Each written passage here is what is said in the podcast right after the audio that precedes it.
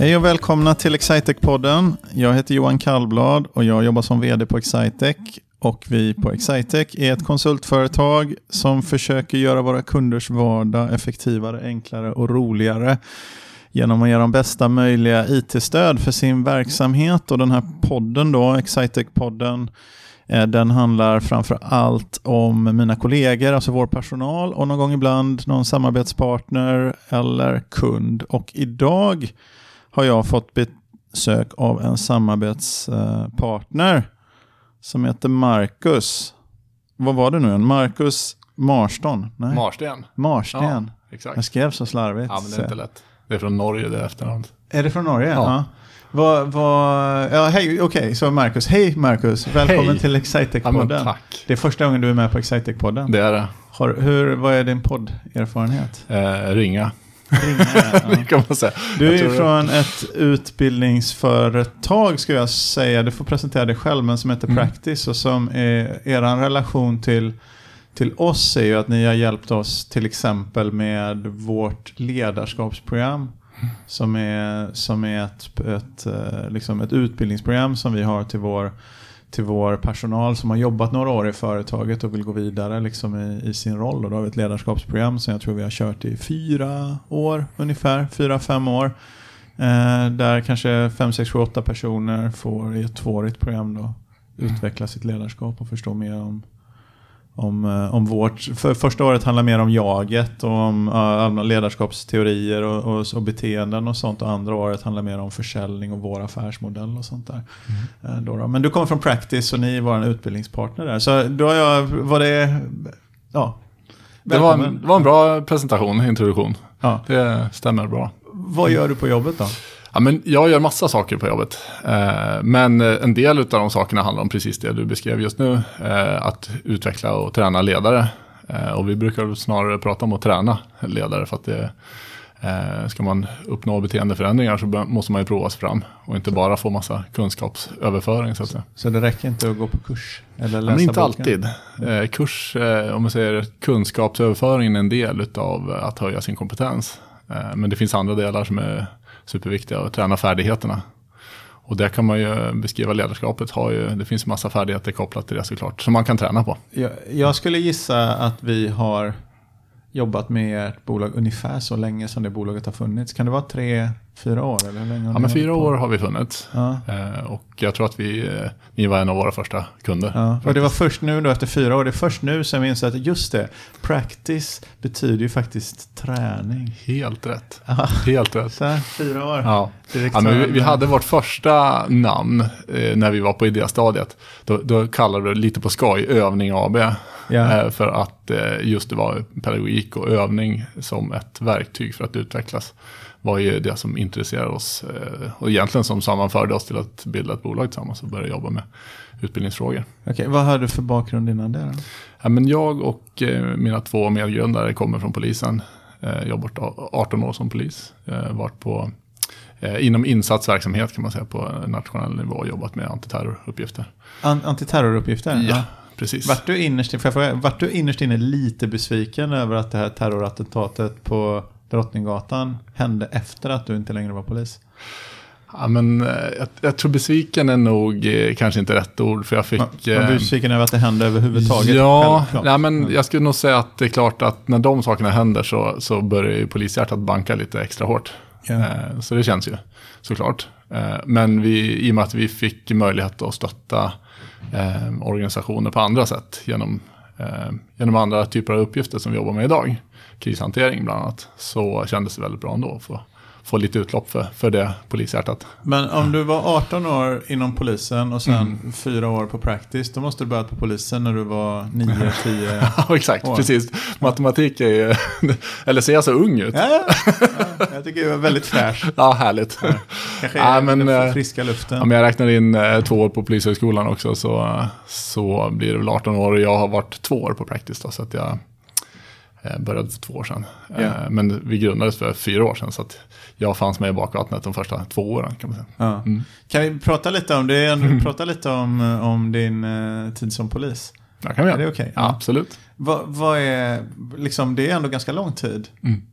eh, 18 år. Var, Mm. hur, har man olika arbetsgivare då inom polisen och byter tjänst och byter typ av jobb? Eller, hur, hur, eller ger det nya intryck hela dagen så att man fortsätter utveckla sig? Ja, men det finns eh, mycket att göra inom polisen såklart. Eh, Och eh, jag gjorde ett val tidigt att mm, söka mig till insatsverksamhet som jag tyckte var spännande. ja. Så, och i och med att jag tyckte det var så fantastiskt roligt och utvecklande och det finns massor utav, det fanns väldigt mycket att göra och utvecklas inom, inom den lilla bubblan så att säga. Så, så blev jag kvar där i 14 år. Eh, men med massa olika funktioner då, såklart. Men insatsverksamhet, betyder Mm. det det som vi för oss amatörer skulle vara, heta typ nationella insatsstyrkan? Ja, men det är någonting? precis det där ja. Ja. Ja, exakt. Så man åker när det, vad, vad är det som händer? När blir man engagerad? I, Ja, men huvuduppgiften är ju terror ja. eh, såklart. Och ehm, sen så är det ju andra typer av situationer som kräver särskild kompetens. Då. Om vi backar i tiden, är detta alltså någonstans, när man kom på idén att vi ska ha en sån, är det runt om liksom 2001 och sånt och det började? Ja, det var lite tidigare än så. Ja, Ja. 1991. 91, så, ja. Och det egentligen, tittade man på grannländerna då, så var det ju i Norge hade man ju bildat en motsvarande resurs redan på 70-talet. Okej. ja. I samband med München. Eh, ja. Attentatet där, Mm. eh, OS. Så att det, det var, Sverige var lite sist egentligen i Europa med att bilda en sån resurs. Så. Och eh, den första tiden var ju väldigt fokuserad på bara att bygga upp förmågan och eh, det var ju så här stor grej att använda den resursen och regeringen skulle besluta om det och så vidare. Okej, Så det blev en stor sak. så ni satt mest och väntade då? Ja, ja det var inom min tid då. Så att Ja, då var det, ja. vart det mest att träna skulle man säga. Ja, ja. Ja, så, så i princip hela arbetstiden gick åt till att utbilda sig och träna. Så väldigt mycket utbildningsfokus. Bra. Mm. Och sen blev det, mer, blev det enklare att använda er då för olika... Är det polismyndigheter runt om i landet då som, eller regeringen? Som Nu är det en polismyndighet. Ja, Som, eh, så att, det- och, men men eh, i och med att eh, nationella insatsstyrkan flyttades till Rikskriminalpolisen, jag tror det var 2004, kan det ha varit 2003, 2004. Så blev det en nationell resurs som alla polismyndigheterna då kunde nyttja eh, på ett friare sätt. Mm. Men idag ligger det under nationella operativa avdelningen, då, NOA Ja. som det heter. så, en så nationell resurs. huvuduppgiften är att bekämpa terrorism? Ja, men eh, vara ett stöd till, i sådana insatser. Ja. Eh, ja, så det kan man säga. Mm. Men det är de operativa insatserna Mm. då? För mycket terroristbekämpning handlar mycket om att sitta och, och grunna på... Absolut, så är det. Ja. Så det är när det, eh, när det bränner till? Ja. Ja. Hur mycket utryckningar är det då? Ehm, Ungefär? ja, det är, svår, det är svårt att säga. Det skiljer sig lite från år till år. Men det är ju eh, det är väldigt mycket andra uppdrag också som, som eh, insatsstyrkan hanterar. Mm. Och idag är det en ganska stor organisation som, som alla, regio, alla polisregioner har en, en egen insatsresurs Ah, också. okej. Ja. Som har eh, lite annat fokus då, men som, som gör mycket av det arbete som kanske Mm. nationella insatsstyrkan gjorde tidigare också. Jag då som har jobbat med IT, jag har jobbat ungefär lika länge med IT-stöd och sånt som Mm. du har jobbat med polisiär och liknande verksamhet. Och Mm. Jag tycker ju det verkar ju lite fräsigt. Jag tror så här, om någon frågar, om jag träffar någon på krogen och eh, de frågar vad jag jobbar, nu kanske det inte passar, vi säger inte på krogen, men på, en, på, en, eh, på ett bröllop säger Ja. vi tar en fredlig. Eh, Och så, så berättar jag vad jag jobbar med och du berättar vad du jobbar med eller brukade jobba Mm. med. Då tror jag du får fler följdfrågor. Ja, det kan vara så. Ja. Mm. Eh, och det är ju lite orättvist. Eh, kan jag tycka. Ja. Men å andra sidan så måste jag säga att mitt jobb, eh, så som jag har upplevt det i de 21 åren, har aldrig känts eh, farligt. Eh, och, och det känns ju, det är jobbet. Ja, men jag tror inte jag upplevde det så heller, att det kändes farligt. Nej, Nej. Det jag tror att man, Men är det inte farligt?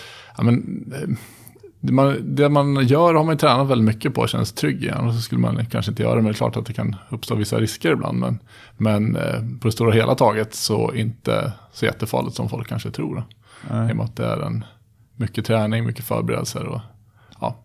Är det väldigt specialiserade arbetsroller man har där då? På, eller hur, hur fungerar det? ja, men det, det är det ju till viss del. Till viss del. Men många, många är väldigt eh, duktiga på det mesta också. Så det, det bygger på att alla har väldigt bred förmåga också. Men med vissa specialinriktningar såklart. Ja. Är det grejer som du har nytta av i, i liksom livet? Sådär? Jag kommer ju minns ju MacGyver väldigt mycket som en tv-serie. som Det var ingen Ja. sån insatsstyrka, men han kunde det. ju nästan allting. Så ta sig ut ur olika sorters knipor. Ja, men det, det som jag tror många erfarenheter därifrån handlar ju om eh, hur man tillsammans löser svåra uppgifter och relationsskapande, relationsbyggande. Så mycket mjuka frågor, mycket processande i, i de delarna som man haft mycket nytta av i, ja, men både i, i yrkeslivet nu men också privat tänker jag. Mm. Du tänker som förälder då eller? Har du ja, men som förälder ja. också. Ja, men, ja. Det är ju ganska likt annars. Ja, eller hur. Ja, men så är det. Så är det. Man står inför problem som man inte riktigt förstår hur man ska lösa. Så får man använda sin förmåga att improvisera och vara kreativ. Så, så ordnar det sig. Yeah. Och det fick man ju träna på mycket där också såklart. Men annars har det ju varit ett intresse, intresse för, för egentligen utbildning och utveckling Eh, hur får man individer att utvecklas på ett optimalt sätt? Det har ju varit ett spännande område som jag har jobbat en hel del med inom polisen. Som jag jobbar mycket med idag också. Är det en bra lead-in över till det du gör nu för tiden då på jobbet? Ja, men på sätt och vis. Jag tror nog att eh, lärandet har nog varit eh, ett fokus som eh, jag alltid tyckt varit spännande. Jag har en mamma som har varit eh, lärare hela sitt liv, specialpedagog, varit väldigt så här, inriktad på pedagogik och jag mm, tog ett jobb som lärarvikarie när jag var ganska ung också och tyckte det var superspännande att skapa, skapa förutsättningar för lärande. Mm. Så, så den har nog hängt med mig eh, större delen av livet ändå. Nu, på Practice, mm. är, ni, liksom, är ni ett konsultföretag inom lärande? Är det så, eller hur brukar ni beskriva er? Ja, det skulle man kunna säga. Ja. Jag tror att det, det, det är någonting vi alla brinner för i alla fall. Och går igång på väldigt mycket de frågorna. Hur man skapar insikter och lärande. Hur, hur, ser ditt, eh, liksom dina, dina engagemang ut nu då? Vad är det för någon typ av uppdrag som du jobbar med? Eh, ja, jag jobbar ju mest med eh, att skapa förutsättningar för att se hur personer fungerar i olika situationer i rekryteringsprocesser, i matchningsprocesser. Okay. Så det är ju så här eh, ett fokus som vi har. Sen tränar vi både ledare och team också. Och det jobbar jag också ganska mycket med. Mm. Ehm, men eh, där jag håller på egentligen med mitt, mitt största fokus är ju urvalsprocessen och den, den metodik som vi använder där när vi skapar eh, processer i grupper. Så blir ni engagerade då i en del av en urvalsprocess för att liksom se vilka kandidater som är mest ja. lämpade? Så Vilken typ av eh, befattningar är det som ni rekryterar till då? Ja, men det är alla möjliga faktiskt. Allt ifrån säljare till eh, kan vara eh, globala chefer också i stora koncerner som ska hantera eh, frågor över många länder. Hur länge träffar du en kandidat? Det handlar inte om, om att utveckla kandidaten lika mycket som det handlar om att utvärdera ja, den? Ja, men det är det det är. Det är det som ah, är så okay. spännande. Ja. För vi ser så att de som har förmåga att på snabb tid utvecklas, ja. eh, få med sig sina insikter, eh, omhänderta dem på ett bra sätt, implementera dem i nya utmaningar. Där ser vi fantastiska eh, möjligheter ja. i sådana personer. Och det, det kan vi se i våra processer så att säga. Hur länge, hur länge träffar du en kandidat då? I, i... Men det, det, är olika också, men ibland två dygn. Oj. Ja. Ja. Men det är, inte så ja, det är att ni kör ut dem i skogen och ser vem som har färdigheten att överleva. ja, men om det är den viktigaste färdigheten för att matcha bra, jobbet bra, då gör Aha, vi det. Absolut, det. då gör vi det. Ah, det. Men det är inte alltid det är så. För det mesta är det inte just det det handlar om. Just det. Uh, hur, hur, tränar du, hur, hur utvärderar du en säljare då? Ja, men en säljare, det finns ju vissa egenskaper där som är som kanske ganska snarlika. Att man, har, att man orkar, Eh, en, en, grad av grit måste ju finnas där för att säljyrket handlar ju väldigt mycket om att faktiskt inte låta sig nedslås av motgångar. Mm. Eh, utan att kunna utvärdera vad man gjorde, hur vad som funkade bra, vad kan jag göra annorlunda. Mm. Och sen ta med sig dem till nästa säljmöte och köra på. Och inte känna sig fullständigt misslyckad när man ja. får ett nej. Ja. så att eh, på sätt och vis kan ju de, det finns lite paralleller där. Ja. Sen har vi gjort eh, urvalstester på säljare så har vi testat deras förmåga till ihärdighet också. Absolut. Det låter ju ganska mm. spännande. Mm. Det, man blir lite sugen på att bli testad det, faktiskt. Det är väldigt spännande. Ja, just det. och vad, vad, är det för några typer av, eller vad är det för några, för några organisationer? Var ska man söka jobb någonstans till våra eventuella lyssnare om man vill bli utsatt för en test av, av ja, ja, men ändra, vi har ju men inom Swedavia och flygplatsbranschen eh, testar vi på ett flertal tjänster. Vi har eh, stora outdoor-koncerner som Phoenix Outdoor till exempel. Eh, men då kör ni ut dem i skogen i alla fall? Eh, Nej, inte nödvändigtvis. det beror på eh, vad, hur uppdraget ser ut. De är Phoenix Outdoor är jag lite fascinerad av nu. Jag insåg, ja. jag var i på, det här har man väl anat egentligen, men Phoenix Outdoor är ju de som eh, är liksom med Fjällräven i Ja, dagligt tal, bland ja. annat. De är Ja. säkert mycket mer också. Och de har ju den här gamla ryggsäcken Konken. Ja. Då. Och jag var Underbar i produkt. New York med mina, med mina två döttrar i, eh, över påsken i vår, Mm. under våren här då, då 2018. Och, eh, och så såg jag vid Times Square så var det på ett hus där, på en stor husvägg vid Mm. Times Square så Mm. var det Konken, eh, liksom Swedish Classic eller någonting Ja. stod det på den. På en hel husvägg. Ja, då blir man I stolt. New då. York. Ja, Lite bra. så här, jag är svensk. Så där såg jag ut när jag gick till skolan, när jag gick i trean. Liksom. Det är ju Ja. superhärligt. Ja. Och nu önskar sig min eh, äldsta dotter önskar sig en Konken eh, i julklapp. Ja, Eh, sa hon. Alltså, det är alltså he helt superrätt. Det är den, Ja, antagligen den mest rätta ryggsäcken i världen. Så man kan glömma så här Osprey och sådana här vildmarksmaterialistmärken. Ja, det är Konken som ja det är gäller. den som gäller. Ja. Det är ju supercoolt. Dessutom så har man kvar sin gamla från, från 80-talet och den är ju typ, den är typ som perfekt Den är oförstörbar. Ja, den är oförstörbar. Ja. Ja. Om man har kvar den är den säkert värd eh, mycket pengar. Dessutom, också. den vintage-varianten. Ja, Ja. Det, det är lite coolt. Nu tror jag att de flesta, många av de som lyssnar på det här, det är mina kollegor, så då, ni ska inte söka jobb någon annanstans. Det ni kan få träffa Marcus även på Excitec då, till Just det, exempel genom att det. söka till vårt eh, ledarskapsprogram, tror jag. Ja. Som du och några kollegor också har varit engagerade i.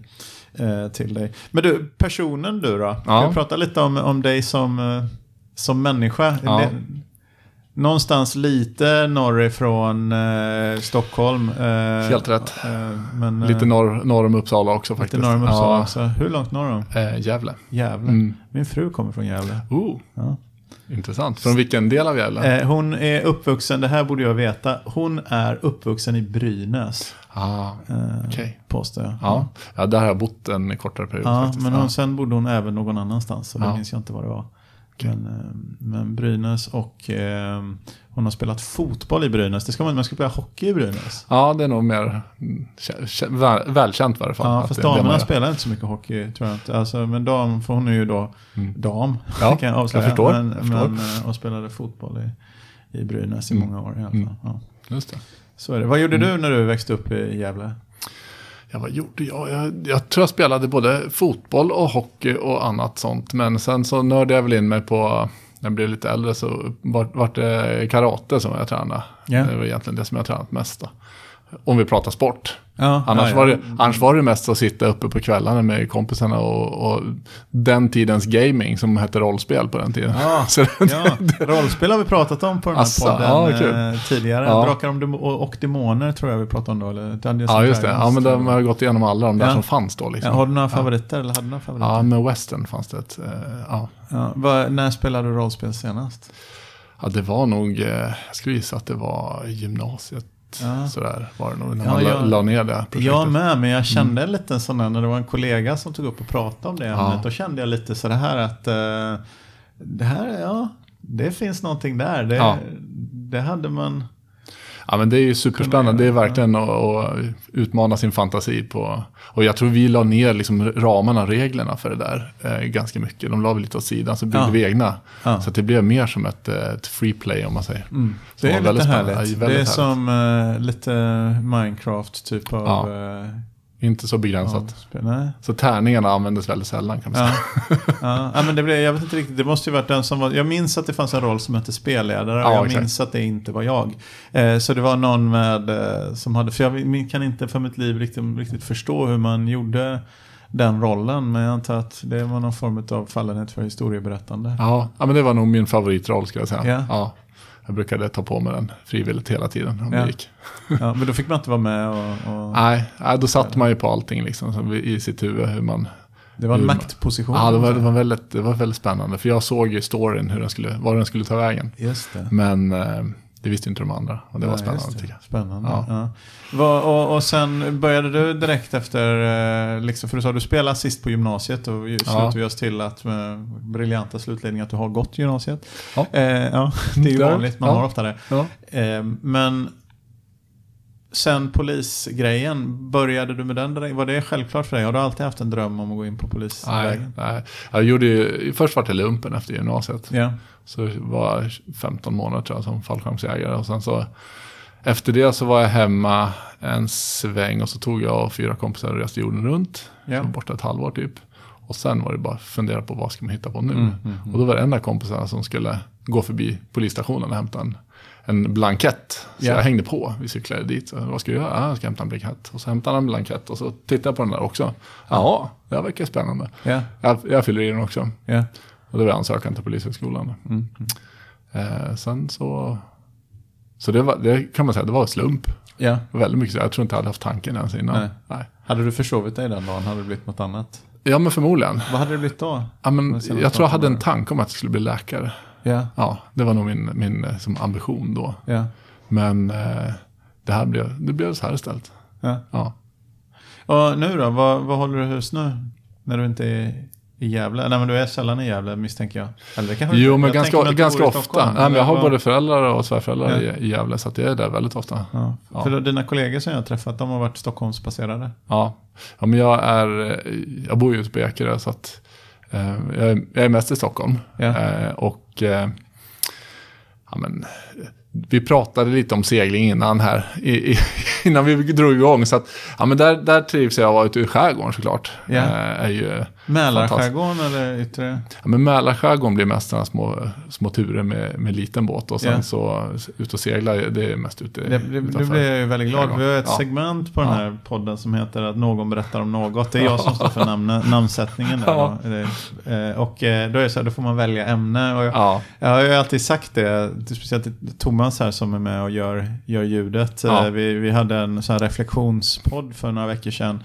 Eh, där vi pratade om våra intryck efter de första 30 avsnitten. Och då sa Thomas det att du försöker ju få alla att prata om segling hela tiden. Ja. Och det är aldrig någon som nappar på det. ja men jag Så nappar nu, jättemycket. nu har jag en Ja, liten ja. förhoppning här. Ja, Så vill du berätta om något? Ja, ja men jag måste, eh, jag är ju typ uppvuxen på en båt. Ja. Ja.